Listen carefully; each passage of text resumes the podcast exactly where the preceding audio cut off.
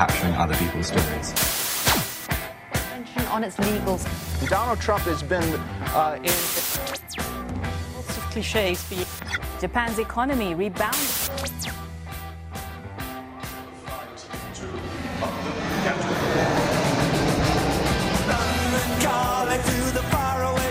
Una temporada més al suplement. John Carlin, bon dia i bona hora. Com està, John?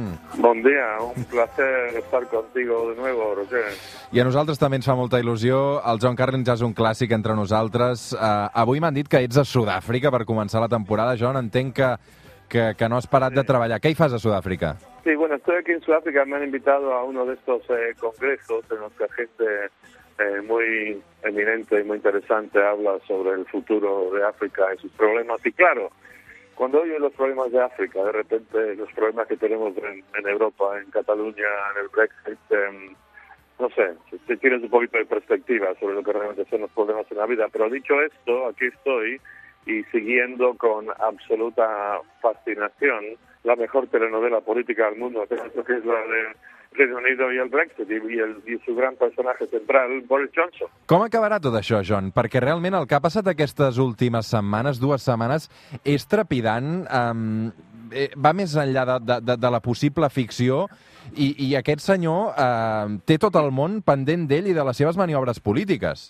No, no, es que es, es tremendo el show que se está montando en Inglaterra y especialmente el personaje de Boris Johnson, que, claro, como habrás visto esta semana, ha sido demencial. O sea, primero está amenaza con ser el primer ministro que menos días está en el poder en la historia. O no es imposible dentro del abanico de posibilidades que hay ahora de que dentro de no sé, un mes o mes y medio eh, haya elecciones, las pierda y, y fuera. Y encima, esta semana expulsa del partido a 21 diputados que se enfrentaron a él y no estamos hablando de cualquiera, estamos hablando de, entre otros, el nieto de Winston Churchill.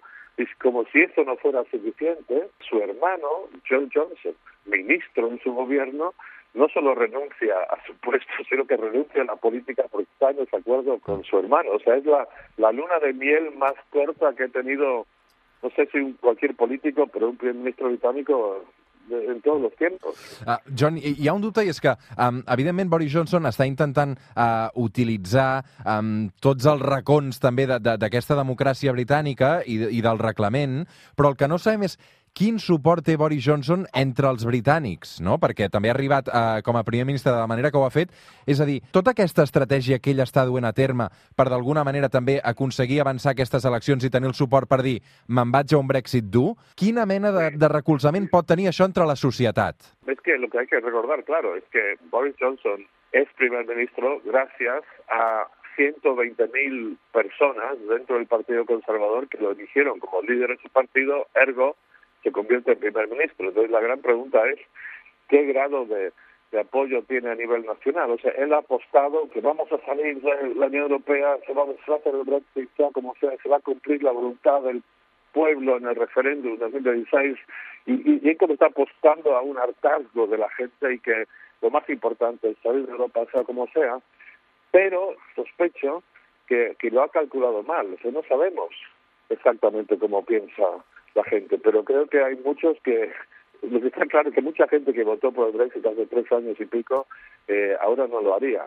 Y tenemos una situación de increíble confusión, o sea, es posible, bastante probable, que tengamos unas elecciones dentro de, de poco tiempo y vas a ver una especie de, de, de fractura del sistema político británico, bueno, algo como España, ¿no? De repente aparecen otros partidos y, y, y quién sabe eh, quién va a ganar. Seguro que habrá coaliciones y, y seguimos. O sea, yo esto te lo he dicho hasta el aburrimiento uh -huh. en este programa, o sea, que, que, que intentar apostar, pronosticar lo que va a pasar, eh, solo Dios lo sabe, quizás ni siquiera Dios. Y puede ser incluso aún que acabe viendo un, un segundo referèndum, que és lo que jo, con lo que jo más sueño i muchos soñamos. Uh, entenc pel, pel que m'explica, John, ja no a nivell, a nivell polític i d'analista, sinó que tu a nivell personal, per tot el que està passant, estàs preocupat, no? Mm. Mira, yo, ya he llegado a un punto de, de abstracción de todo esto. Más que nada estoy observando el espectáculo como si estuviera en el teatro o viendo una de estas series eh, políticas, como que estoy viendo House of Cards y ya como que mi involucramiento personal en, en, esto es como, como se está reduciendo. Yo ya no, no, no me siento, no sé, me parece es que es un show extraordinario que como que supera la ficción y, y, a nivel emocional yo no estoy tan comprometido como estaba antes, aunque sigo, pienso, pensando, ojalá que esto no ocurra al Brexit porque es una salvajada, pero de cierto modo si esto es lo que quieren los ingleses, pues mira, allá ellos.